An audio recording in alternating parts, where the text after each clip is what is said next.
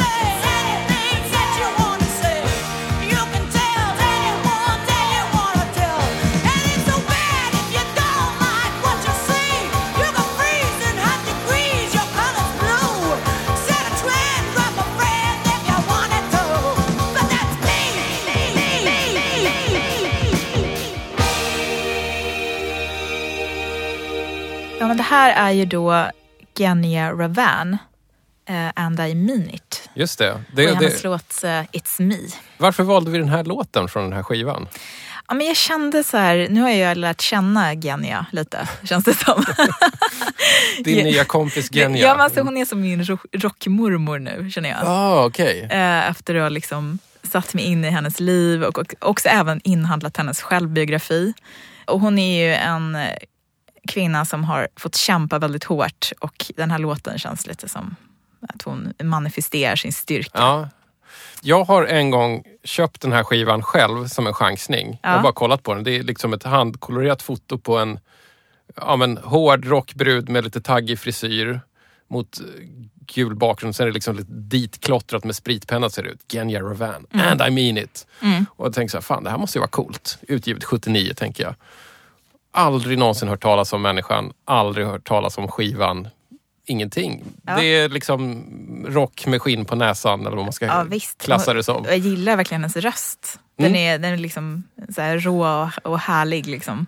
Hon var ju 39 år också när hon spelade in den här skivan så hon är ju verkligen... Precis. Det, det är ingen så här ung, ung flicka direkt utan Nej.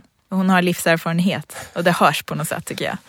Den enda gången jag har sett hennes namn tidigare är att hon har en låt med på soundtracket till filmen The Warriors, Precis. Mm. Som är... Love is a fire. så Jag undrar om inte det till och med är liksom låten under förtexten eller något sånt där. Ja, det kanske är. Ja, vi måste prata lite om Genya Rowan. Vad heter hennes självbiografi som du sitter här och? Den heter Lollipop Lounge. För det var där som hon eh, sjöng på scen första gången. Och eh, hon var väldigt full och liksom gick fram till sångaren i bandet som hette The Escorts som spelade och liksom drog honom i, i, i, liksom i skjortärmen och skrek jag vill sjunga, jag vill sjunga och då mitt i låt. Så han sa, ja, ja, kan du inte bara låta oss spela klart? Och då gick hon iväg och sen så viftade de upp henne liksom på scenen. Hon blev ganska förvånad. Så tror jag att hon bad för att sjunga någon Connie Francis eh, låt och så frågade han, oh, what key? Och, hon bara, What are you, why are you asking about my keys? Hon har, hon har liksom ingen, hon visste inte alls vad han pratade om. Så då sa han bara, så, här, men sjung du så följer vi efter.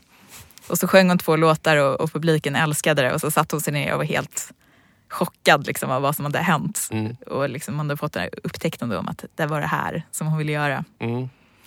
Jag har inte läst självbiografin som, som du har gjort men jag har liksom spårat upp lite gamla intervjuer och sådär. Mm.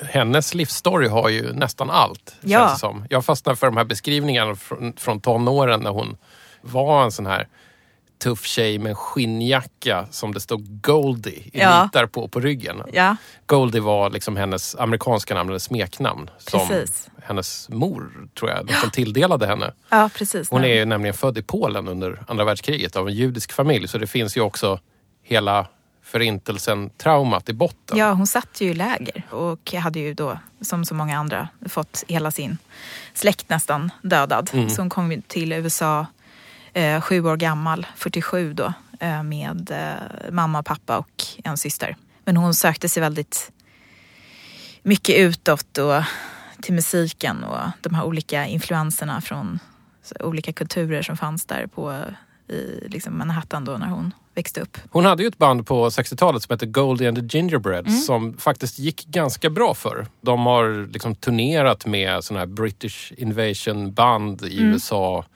Släppt massor med skivor. Var ett av de här tidiga liksom girl groupsen som mer var ett band. det, det är många ställen som de omnämns som det första kvinnliga rockbandet. Ja. Jag är lite för dåligt insatt för att säga hur sant det är men det är definitivt ett av de första. Ja. Det är ju jätteroligt att just också läsa hennes självbiografi. Hur hon, för de var ju lite så riot girl på 60-talet. För att hon, eh, hon spelade ju med det här bandet då som hon hade ki- kidnappat mer eller mindre. Och de var såna här preppy college-killar liksom. Så att de körde bara på sommaren för sen så var de iväg på college. Ja, pluggade. Ja, precis. Det är ju inte rock. Nej, men hon hade ju hoppat av high school och hon av en slump träffade Ginger då, som spelade trummor. Eh, Och tänkte genast, tänk om man skulle kunna göra ett eh, helkvinnligt rockband. Och sen följde då rekrytering av fler medlemmar. Lite senare på 60-talet drar hon igång ett band tillsammans med några andra som är mer jazzrock eller liksom funky rock. De heter Ten Wheel Drive. De kan man kanske ibland stöta på i någon så här rockhistorisk fotnot. Och sen på 70-talet så går hon solo och gör rivig rock. Producerar punkbandet The Dead Boys och lite andra artister.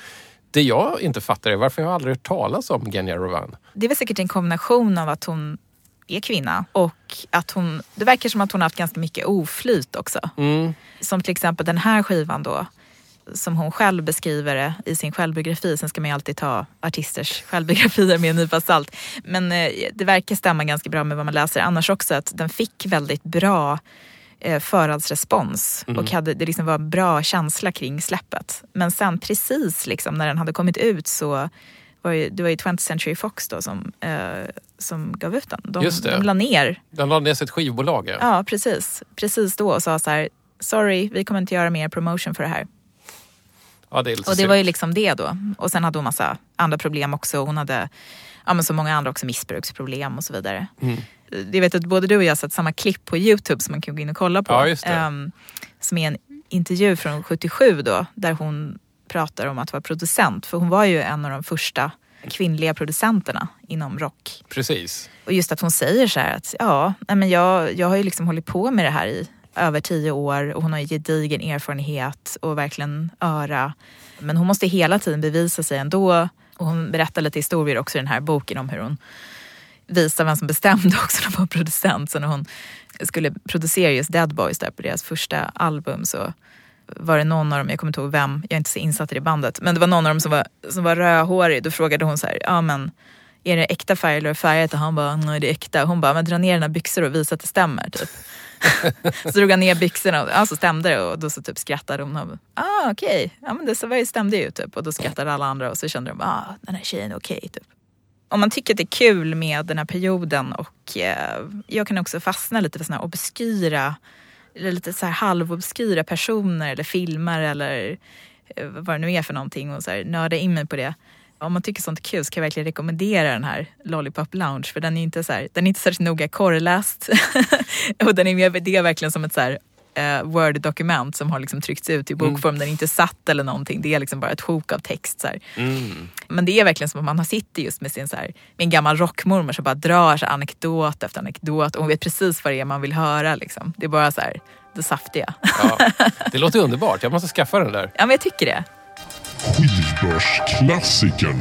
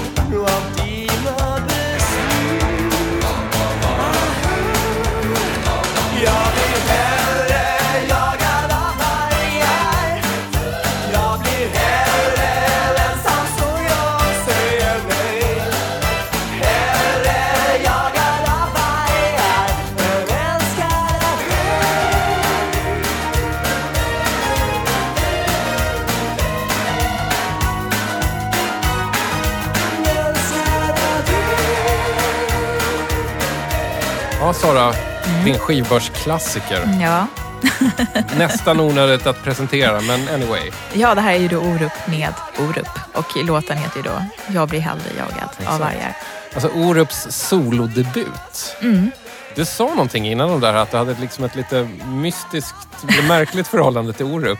Ja, alltså det är ju ganska, det var ganska speciellt eh, när jag skulle göra det här köpet då, i och med att jag inte är någon jättestor eh, vinylköpare så Mm. Har inte så jättedjup kunskap om vilka skivor man brukar sätta på utan då valde jag ju en som just liksom jag hittade fler exemplar Ja, av. det. Du kan vara helt lugn, det finns mycket Ja. Orup där ute. Ja, för nej, 10 men jag- kronor. Massor. Jag har förstått det. Och, och så tänkte jag så här, men jag tar den här, jag tar Orup. Jag tänkte så här, det är så himla, just den här tiden då 87, när den, eh, liksom, eller 88 kanske det var. Ja, det står 88, 88, på skivan. ja. Det, det är någonting i mitt huvud som säger 87. Men kanske Ja, att men den släpptes precis. som singel då? Ja, men det kan ha varit så, precis. Jo, men så var det nog. Jag tror att jag började liksom titta lite på såna här musikprogram då och musikvideor där på något sätt kom in lite i mitt liv. Jag är ju född 80 då, så jag är Ja. väldigt liten. Ja, just det. Och jag upptäckte att när jag lyssnade på den här skivan att jag, jag kunde liksom majoriteten av låtarna. Eh, alltså jag, kände igen texten och liksom, det var, jag, kände igen det Mm. verkligen. Och jag har aldrig ägt en Orup-skiva. Men du har ändå sondmatats med Orup. Ja, och jag upptäckte också att när jag lyssnade på den att jag, jag kan få lite, så här, eh, lite lätt så här, eh, schlagerångest av så här 80-tals svensk musik. Det är Mm. liksom ofta ganska så här tunna produktioner och det känns lite klaustrofobiskt ofta. Jag, jag tycker Mm. inte att det är så kul helt enkelt. Det kan vara tunt och klatschigt på samma Ja, gång. exakt, exakt. Eh, Det är ungefär som att jag kan bli så himla nedstämd av romantiska komedier som alla andra säger. Åh, den är som Love actually, så mysig. Jag, bara, jag, jag vill typ sova för evigt när jag säger Love actually. men, men, men den här skivan gjorde mig faktiskt på riktigt gott humör. Mm. Just för den är så himla tidstypisk. Ja. Och den är kul på något sätt.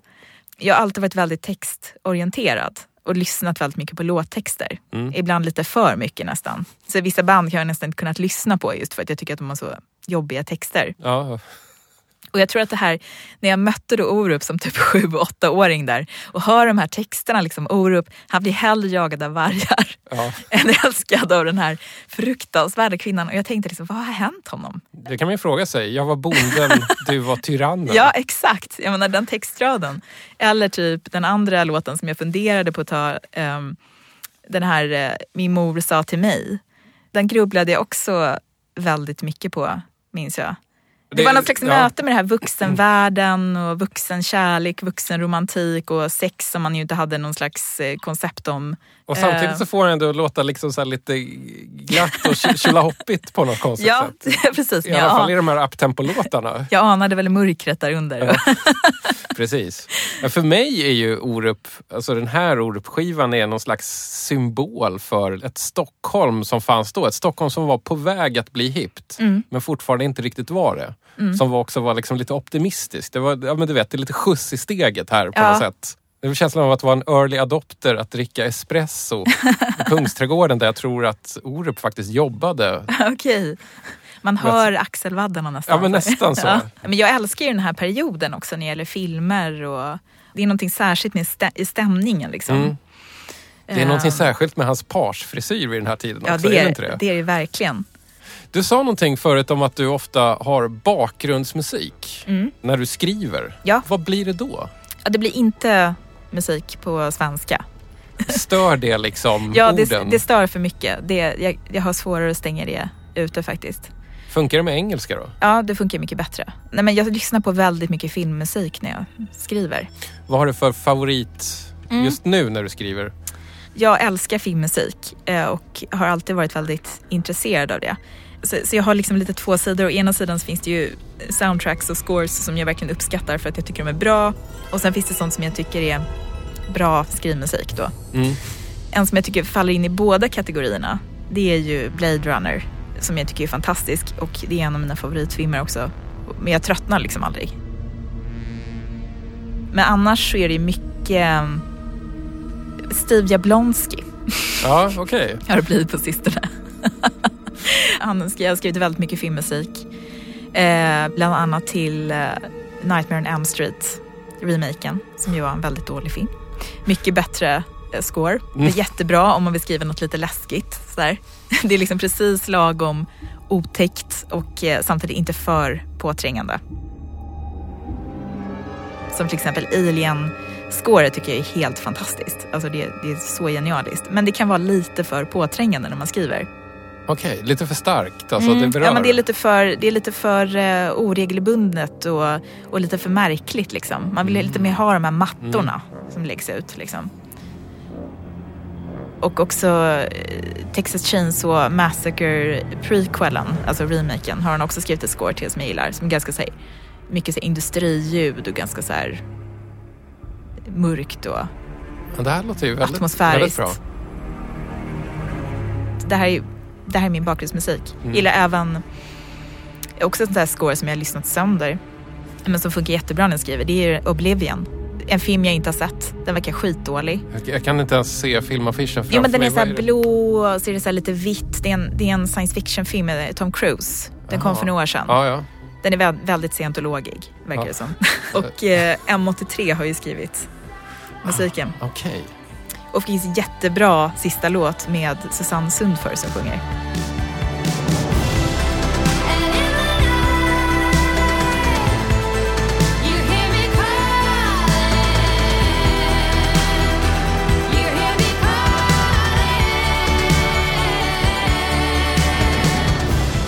Är du inte rädd för att liksom, musiken går in och påverkar det du skriver? Då? Mm, men det är ju meningen lite grann på sätt och vis. Mm. Att man vill hamna i något slags flow, liksom en trans nästan. Mm. Jag kan bli sådär så att jag lyssnar på samma låt om och om och om, och om igen. Ibland när jag skriver vissa partier. För att den sätter igång någonting. Och det kan vara ganska random ibland. En låt som bara gör någonting för mig. Jag förstår inte varför men den funkar liksom.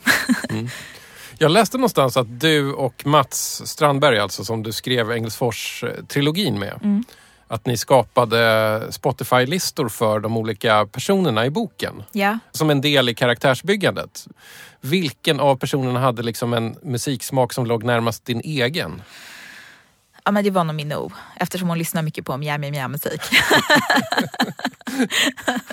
så här Janice Ian och sånt där. Är Janice Ian mjau mjau mjau musik? Ja, ja men det är det ju. Alltså, det här är ingen dålig grej. Mjau, mjau, mjau.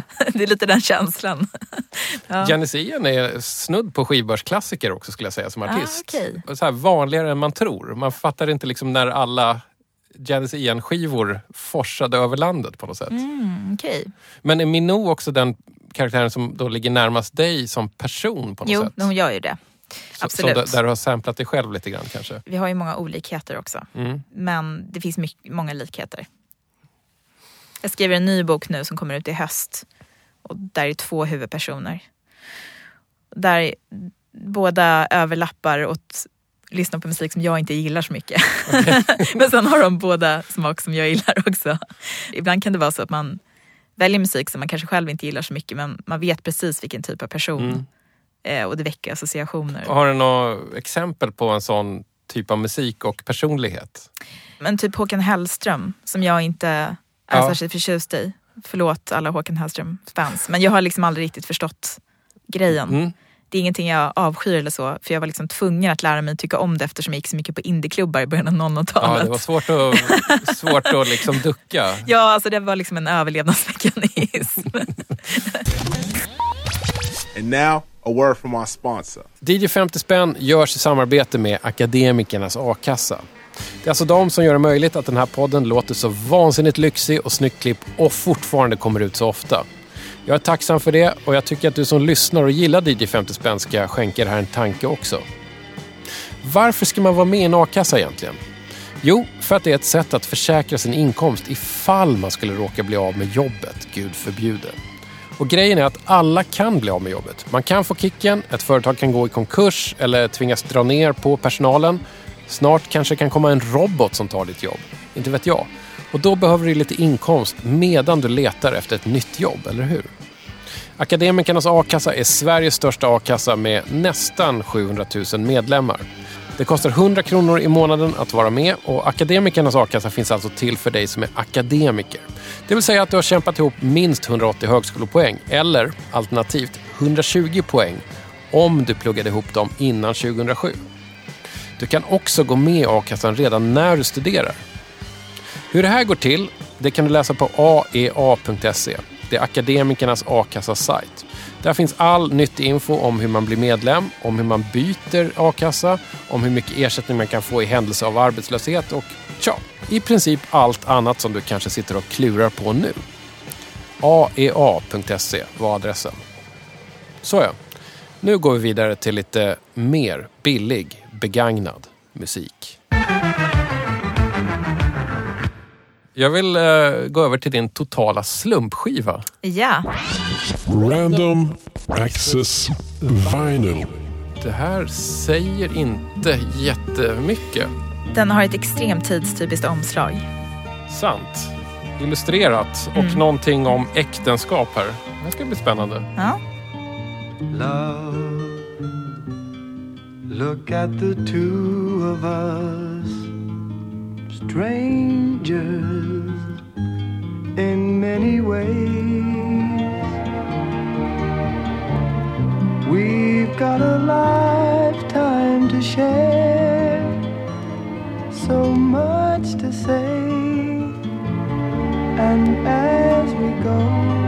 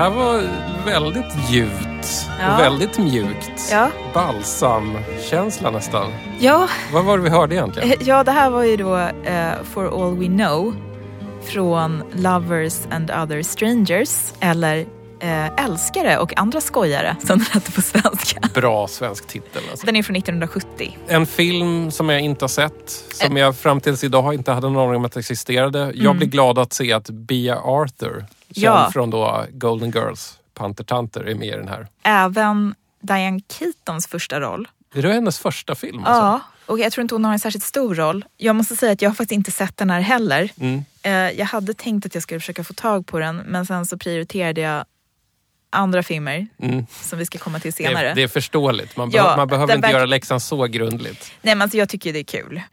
Eh, annan rolig trivia är tydligen eh, att Sylvester Stallone är statist. Och om man tittar noga i bröllopsscenen som finns på Youtube också, så, där de spelar den här låten dessutom, så ska man tydligen kunna se honom. Många härliga namn som Ja. poppar upp i den här. Det här är en sån här klassisk så här, relationsdrama verkar det Mm. vara, som har- kretsar kring ett bröllop. Och, eh, och den är ju lite tokrolig då eftersom det är bruden som bär brudgummen över axeln på framsidan. lite Ja, crazy. Ja, det är alltid lika kul när det händer. Och den eh, utmålas ju som en sån väldigt liksom, modern historia då om eh, ja, hur äktenskapen verkligen är. Och det är baserat på en pjäs.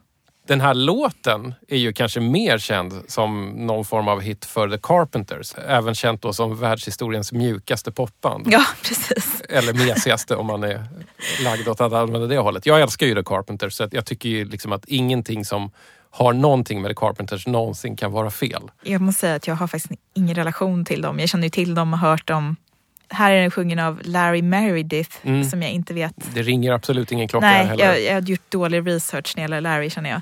Och den här låten vann ju då en Oscar för bästa Mm, låt. just det. Och eh, det var tydligen något av en kontrovers på Oscarsgalan det året för att de ville att The Carpenters skulle framföra den. Men av något skäl så fick de inte det. Jag förstår inte riktigt varför. För det, det stod så här att de fick inte framföra den eftersom det inte var de som hade framfört den i filmen. Men då var det det Petula. Clark som framförde den. Så att jag fattar inte riktigt. Nej, konstigt. Ja, det var konstigt. Har du lyssnat igenom hela den här soundtrackplattan? Ja, Hur skulle den här funka att skriva till? nej. Jag vet inte riktigt vad jag skulle skriva som skulle matcha det här faktiskt. Det är inte... Romantisk komedi? Uh. Nej men jag vet inte. Jag kanske missar jättemycket om jag inte ser den här filmen. Men av, av Ja. döma de klippen jag såg på Youtube också så blev jag, kände jag... V- Vet du vad Sara? Jag tycker att du, det känns lite grann som att du nu, nu är du lite duktig flicka här. Du behöver inte se alla filmer som du Nej! så här, slumpar upp ett soundtrack för. Men jag tycker, som, som jag sa förut, det är absolut ingen duktig flicka-grej. Jag tycker bara att det är otroligt kul. Just när man så här snubblar över såna här saker, att Mm. gräva sig vidare. Hade det varit en dålig science fiction-film det här, hade jag ju liksom Ja, letat reda på den den, ja. genast. Men just den här genren, nej. Vad kände du när du drog upp den förresten? Ehm, jag hade ju gjort något slags system då. Min man följde med som sällskap så, här, så att eh, vi diskuterade så här, hur, ska jag, hur ska jag slumpa på bästa sätt. Ja. Så vi hade, det var tre skivbackar. Så jag hade först någon slags så här, ett, två, tre. Och sen så hade vi uppskattat ungefär hur många skivor som fanns i varje. Och sen så hade han hittat någon sån slumpgenerator på nätet. Ah, Så, så, du, slumpade fram ett nummer mellan så, två. så du räknade dig fram till en som du drog upp? Och då tyckte jag att det var ganska lustigt ändå att det var ett soundtrack Mm. just. För att jag tänkte lite så här när jag fick förfrågan om att vara med här. Mm. Att ja, men jag är ju ingen så här jätte... Musik är ju inte mitt största nördområde. Mm. Även om jag, jag är inte helt okunnig förstås. Men det är väl också för att man jämför sig med sina mest nördiga kompisar kanske.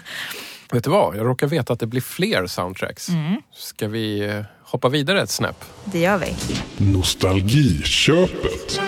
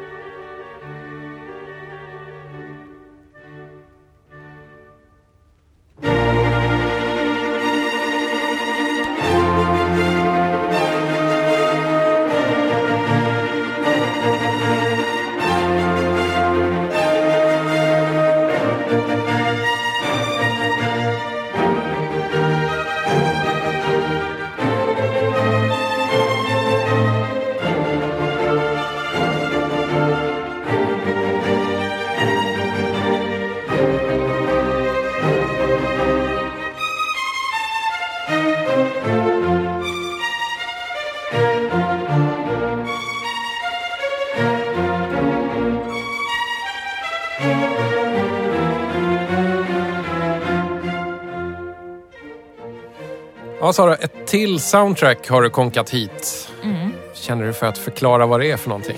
Ja, det här är ju då, som kanske vissa redan har listat ut, eh, soundtracket till Amadeus. Just det.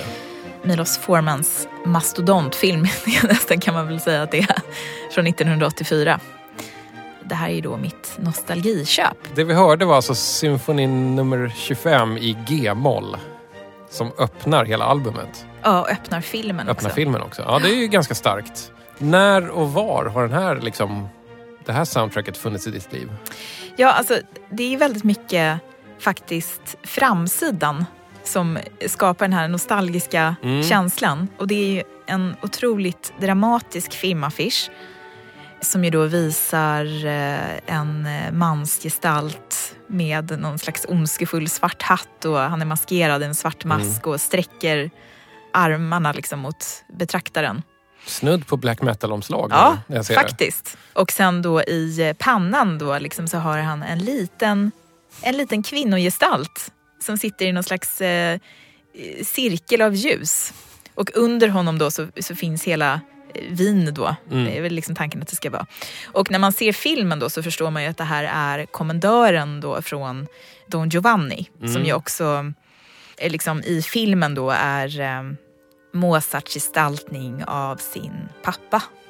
Som också har klätt ut sig på det här sättet på en maskerad som de har gått på. Och den här kvinnogestalten är nattens drottning från eh, Trollflöjten. Som då sjunger den här sin berömda aria just i den här typen av eh, kostym och eh, scenografi. Och att det på något sätt då representerar liksom motpolerna inom Mozart, det här mörka, Ja, eh, döden, ja, eh, skulden och det här ljusa, livsbejakande, lekfulla. Mm. Men när jag var liten så förstod jag inte det här. Utan jag tyckte bara att den var jättefascinerande och Ja. ganska skrämmande. Liksom. Jag visste att det handlade om Mozart och Mm. som många andra barn som råkat ha hört talas om Mozart i ung ålder så var jag väldigt fascinerad av Mozart. Mhm. Just eftersom han var ett underbarn och att han gjorde de här fantastiska sakerna när han var så liten. Är det inte väldigt jobbigt att höra om andra barn som skriver sin första symfoni som typ 3-4-åringar? Han skrev sin första opera när han var 12. Liksom. Eh, det, ja, ja, visst. Men det är, ju, det är ju så. Jag satt ju själv där och klinkade på mitt piano och tog pianolektioner och sådär. Och jag visste ju att jag definitivt inte var någon Mozart. Men det finns ju samtidigt något häftigt med att ett barn kan åstadkomma de sakerna. Tror jag. Mm. Så att jag, jag var ju fascinerad av honom på något sätt. Jag vet inte när jag såg filmen första gången. Det var nog på högstadiet först. Och jag Ja. tyckte väldigt mycket om den. Och sen har jag sett om den ett par gånger och senast nu bara häromdagen. Och det är ju en fantastisk film. Alltså Mm. den är ju verkligen mästerlig. Och så slösig med alla de här eh, miljöerna och Ja, kostymerna. Och, jag menar, det finns ju en scen de har tagit när Mozarts fru åker på spa. Och hela den scenen är typ den är knappt en minut tror jag. Alltså den är jättekort. Och så har de liksom hundra statister och en helt ny miljö.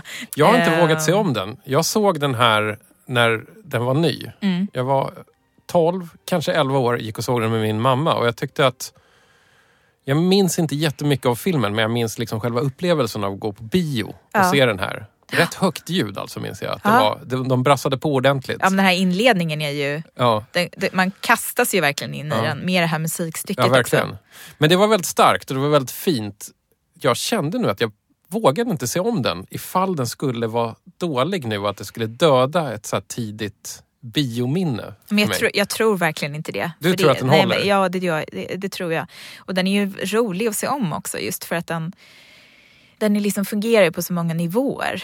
Bara liksom hur den är genomförd visuellt och, och med skådespeleriet som är fantastiska karaktärer som man får möta. Och det är också så märkligt hur de fick såna risiga till halvrisiga karriärer sen, den här trion. Man har inte Eh, hört jättemycket om dem sen. F. Murray Abraham som spelar Salieri, han har ju haft en ganska stor roll i Homeland, som Mhm. jag har förstått det. Och det är en serie jag inte kollar på, så jag, jag har liksom inte upptäckt det själv, utan Nej. det är IMDB som har berättat det för mig. Och Tom Halci, han gjorde typ rösten till Ringaren i Notre Dame-filmen.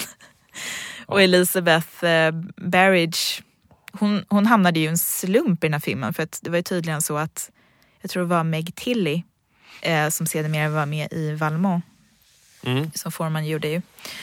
Där hon för övrigt träffade Colin Firth som hon blev ihop med. Ja, sådär, lite trivia.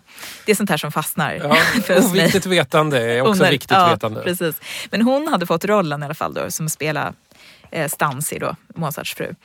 Men eh, jag tror att hon bröt foten Mm. när de hade spe, börjat spela in så de var tvungna att hitta någon jättesnabbt och då, och då kom den här tjejen in i bilden. Kanske ändå var bra för Meg Tilles karriär då? Om det är så Eh, att ja, det vilar någon kanske, slags eftersom det förbannelse någon över slags- ja, my- Mycket Amadeus-filmen. möjligt. Eh, och också Cynthia Nixon dyker ju upp, hon som spelar Miranda i Sex and the City. Nu, bör, nu börjar jag känna att jag kanske måste se om den här filmen. Du säljer måste- in det ja. på så här birolls... Nej, men den, är, den är underbar, det är verkligen den är, den är underbar. Vad fanns det för musik i ditt hem när du var liten? Det var nog ganska mycket klassiskt och så. Jag fick en känsla av att mina föräldrar lys- lyssnade mer på musik innan Mm. jag eh, föddes. Eh, så det fanns ju liksom skivor hela tiden. Och så. Men jag, jag har inte några så här jättestarka minnen av att de lyssnade jättemycket på musik. Min pappa var, han hade lite så här perioder som han lyssnade på. Han lyssnade jättemycket på Patsy Cline under en period. Just då hade jag ganska svårt för, eh, för country. Senare, sedermera har jag faktiskt lyssnat lite på Patsy Cline själv också. Sen hade han någon Lou Reed-period, kommer jag ihåg. Det gillade jag väl bättre.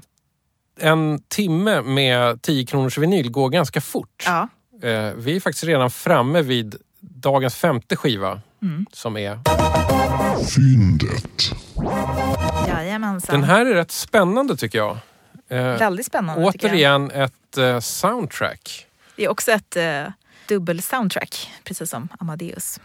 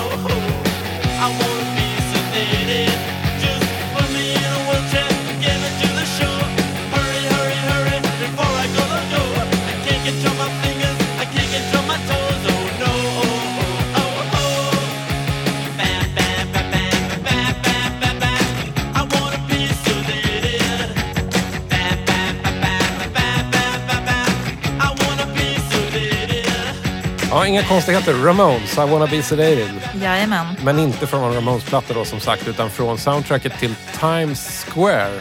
Yes. Dubbel-soundtrack från en... Ja du, vad är det här för film egentligen? Det är en bra fråga. Två tjejer på rymmen i alla fall. Precis, ja, men det är väl ganska bra sammanfattning. I Times Square. Ett Times Square som inte har städats upp utan som är Exakt. sunkigt och lite farligt. The Deuce, 42nd Street där. Ja. Den här eh, filmen hade jag inte sett eh, innan jag köpte soundtracket. Jag hade hört talas om den. Mm. Också på grund av att jag skrev min magisteruppsats om kultfilms fankulturer. Och då skrev jag ganska mycket om de här sunkiga biograferna där, där omkring. Under den här tidsperioden, så här, Ja. sent 70-tal, tidigt 80-tal. Och då så snubblade jag över att, det fanns den här, att den här filmen fanns och så. Av något skäl så råkade jag såg den inte då. Det är Alan Moyle som även, som kanske är mest känd för Pump Up The Volume och Empire Records. Mm. som kom ut där 90 och 95. Den här filmen kom ut 80. Den är baseras på att han köpte en soffa. Och i den här soffan så hittade han en dagbok som var skriven av en ung kvinna som, hade, som led av eh, psykisk ohälsa och som hade rymt hemifrån. Och bodde på gatan. Ah, okej. Mm. Det som är liksom lite kännetecknande för den här filmen är ju när man kollar på soundtracket och även bilderna från den att det är i en slags punk och new wave explosion i New Ja. York. Alltså, om man bara ska liksom namedroppa lite vad som finns på soundtracket så är det The Pretenders, är Gary Newman, The Talking Heads, The XTC, The Ramones som vi hörde nyss, The Ruts, Lou Reed, The Cure, Patti Smith. Ja, men, dra ett random namn från den här Mm. Ja. perioden. De är med på soundtracket. Ja, det är nästan osannolikt. Och tjejerna i filmen har, de bildar ett band. The Sleaze Sisters. Bra namn tycker jag. Fantastiskt namn. Det det var ganska kul för jag visste också att den hade ett väldigt bra soundtrack. Det hade jag uppfattat någonstans när jag hittade den. här. Så, Oj, men gud, det är den här filmen. Och så kollade jag på den och så visade jag för min man också. Han höll på att smälla av när han såg det soundtracket. Man kan ju tänka sig vad det skulle ha kostat idag. Precis. Att ha med alla de här låtarna. Men det här är ett sånt här eh, soundtrack som är vad jag brukar kalla för jukebox soundtrack. Mm. Man hittar lite sköna låtar, smäller ihop dem på en platta. Fast Nej, några låtar är väl, är väl tjejerna i filmen Ja som precis, sjunger. Robin Johnson då som sjunger som är den ena. Det är Trini Alvarado som, fick, lite, som hade lite av en karriär sen. Och sen är det Robin Johnson som då sjunger. Och hon var ju ett liksom, fynd då eh, som skulle liksom lanseras med den här filmen. Hon har någon slags eh, väldigt androgyn, eh, häftig uppenbarelse, ganska mörk, raspig röst sådär och liksom den här känslan av att hon att det här är inte är så långt från hennes verklighet. Man får den känslan liksom att hon, hon är street smart. Och tanken var ju liksom att hon skulle lanseras som en kvinnlig John Travolta då. För det är ju då Robert Stigwood som har producerat den. Producenten till Saturday Night Fever. Precis. Och det här blev ett problem. Eh, att det var just han som producerade den här filmen. För att han hade ju tänkt sig någonting helt annat än vad Alan Moyle hade tänkt sig. Ah, okay. För det Alan Moyle ville göra var ju mycket att berätta om en kärlekshistoria mellan de här två tjejerna. Mm. Och det är ju väldigt tydligt att de är lesbiska. Och att det, det är en, att det är en kärlekshistoria mellan dem. Men det tyckte ju inte den här Robert Stigwood var någon bra idé. Så att han klippte ju sönder hela filmen. Och det märks. Och det är ganska sorgligt. Eh, för att det finns en mycket bättre film där. Och den har aldrig kommit ut i någon omklippt version? Nej. Tydligen så släpptes det någon DVD-utgåva eh, där eh, Alan Moyle och Robin Johnson då har ett kommentarspår. Enligt vad han säger då så det materialet finns liksom inte.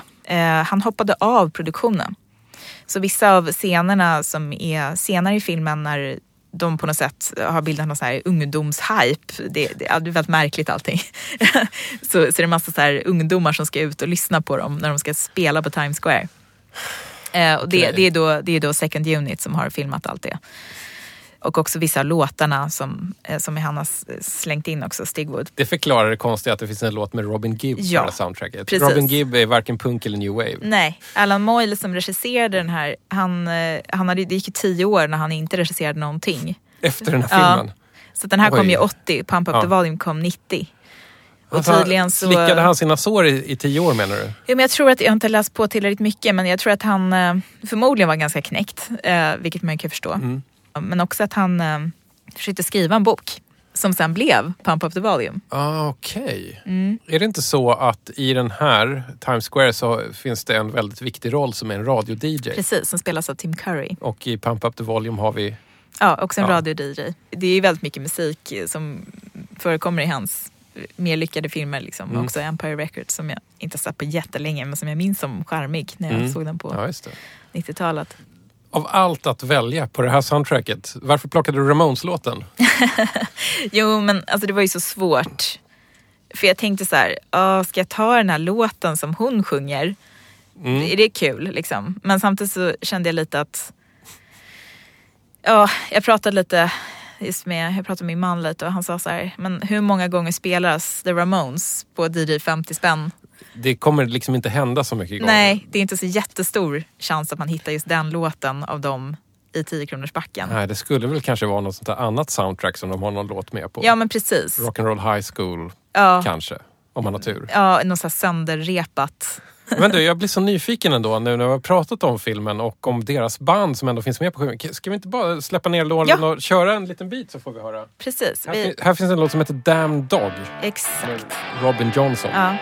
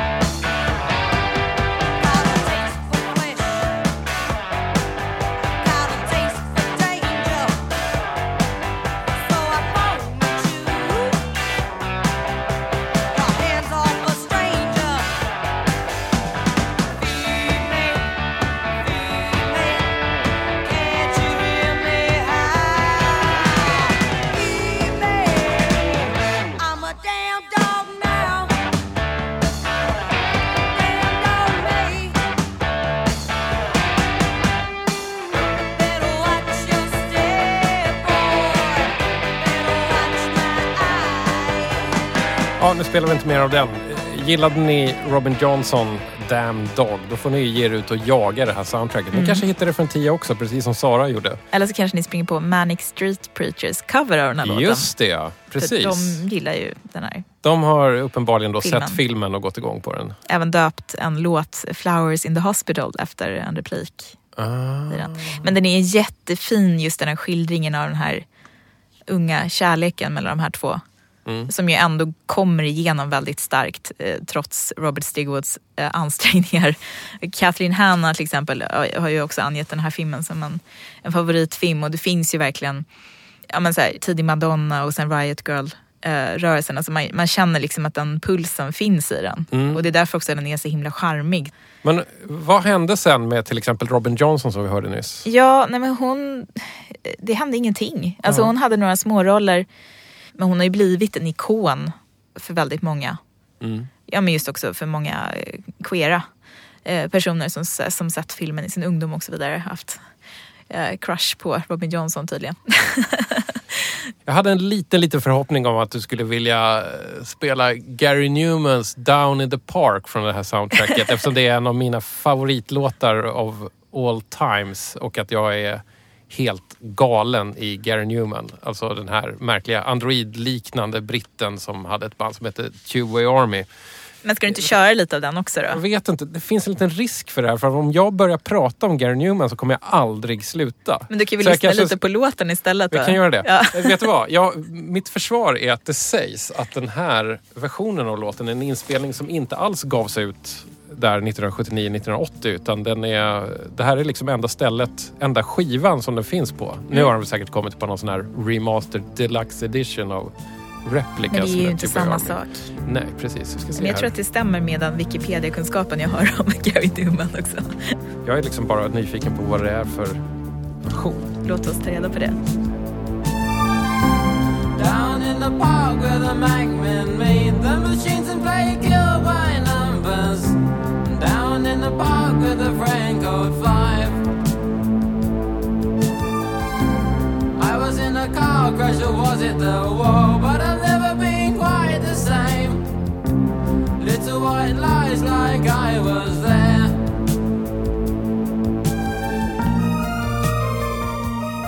Åh, Gary Newman. Jag blir så glad att bara se att ja, någon har slängt in honom på ett soundtrack. Jag vet inte vad som var så speciellt med den här versionen, men den kanske lät lite annorlunda än, än den jag hört tidigare. Storyn om den här låten och albumet som den kommer från, Replicas i alla fall, att Gary Newman tydligen höll på att börja skriva någon science fiction-roman. Så det är därför den här texten är totalt obegriplig. Come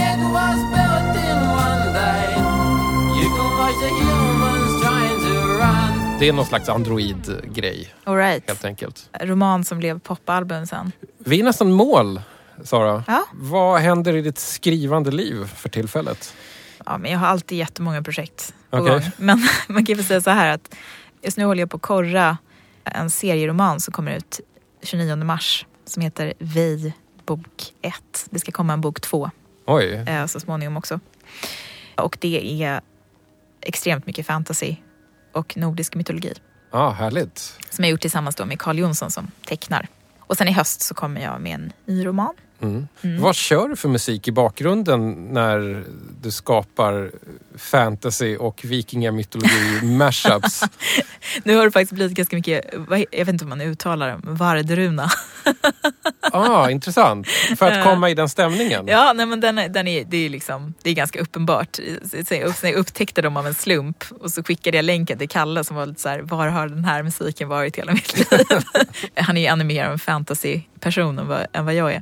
Men annars så, alltså det, det klassiska så här, soundtracket som verkligen en majoritet av alla jag känner som skriver och tecknar Mm. har lyssnat på de senaste åren i olika faser. Det är ju Tron, Daft Punks Tron Ah, soundtrack. Just det. Av något skäl Mm. så funkar det otroligt bra. Mm. Soundtracket var väl egentligen bättre än filmen. Mycket bättre skulle jag säga. Mycket bättre. Här kommer en lite udda fråga. Mm. Hur pass germanofil är du? Mm, Det vill säga, hur pass mycket går igång på Tyskland eller Västtyskland? eh, jag vet inte, är väl mitt svar. Jag brukar ju nämligen alltid tacka alla gäster för musiken genom att bjussa på lite sån här eh, umpa-sväng från en gillestuga någonstans i Rendalen. Jag känner mig lika delar exalterad och rädd. Sara Bergmark Elfgren, tack för att du var med i DJ 50 spänn. Tack så jättemycket. Jag har helt plötsligt fått en hel lista på filmer som jag måste se eller se om. Ja, faktiskt. Men den här filmen är som och bra. Och den är så bra. Ja, okej. William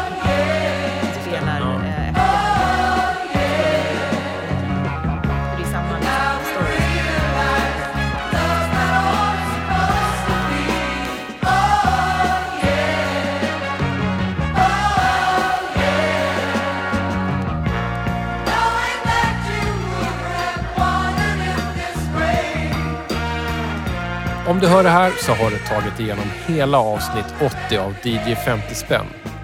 Sara Bergmark Elfgren valde musiken och jag som programledde och producerar heter Tommy Jönsson. Om du undrar över det härliga soundet så beror det på att jag spelade in i Beppo ljudproduktionsstudio på Södermalm i Stockholm. Produktionen görs av mitt produktionsbolag Rundfunk Media och här är det också på sin plats att säga tack till Akademikernas A-kassa som sponsrar DJ 50 spänn. Om du blir medlem i Akademikernas a-kassa på grund av mig, skrik gärna ut i sociala medier eller berätta för dem när du skickar in din ansökan. Jag blir jätteglad om du hänger med mig på internet mellan avsnitten. Det finns en Facebookgrupp som man kan lajka och jag finns på både Twitter och Instagram. Mitt användarnamn är då DJ50spann, alltså snabel A DJ50spann. Jag blir heller inte sur om du skriver en liten recension på iTunes Store. Och vill du supporta lite extra och liksom skryta om dina poddlyssnarvanor så ja, då kan du köpa en tygkasse av mig. Gå in på min sajt och läs hur man gör. Webbadressen är dj50spann.se. Tack för att du lyssnar. Vi hörs snart igen.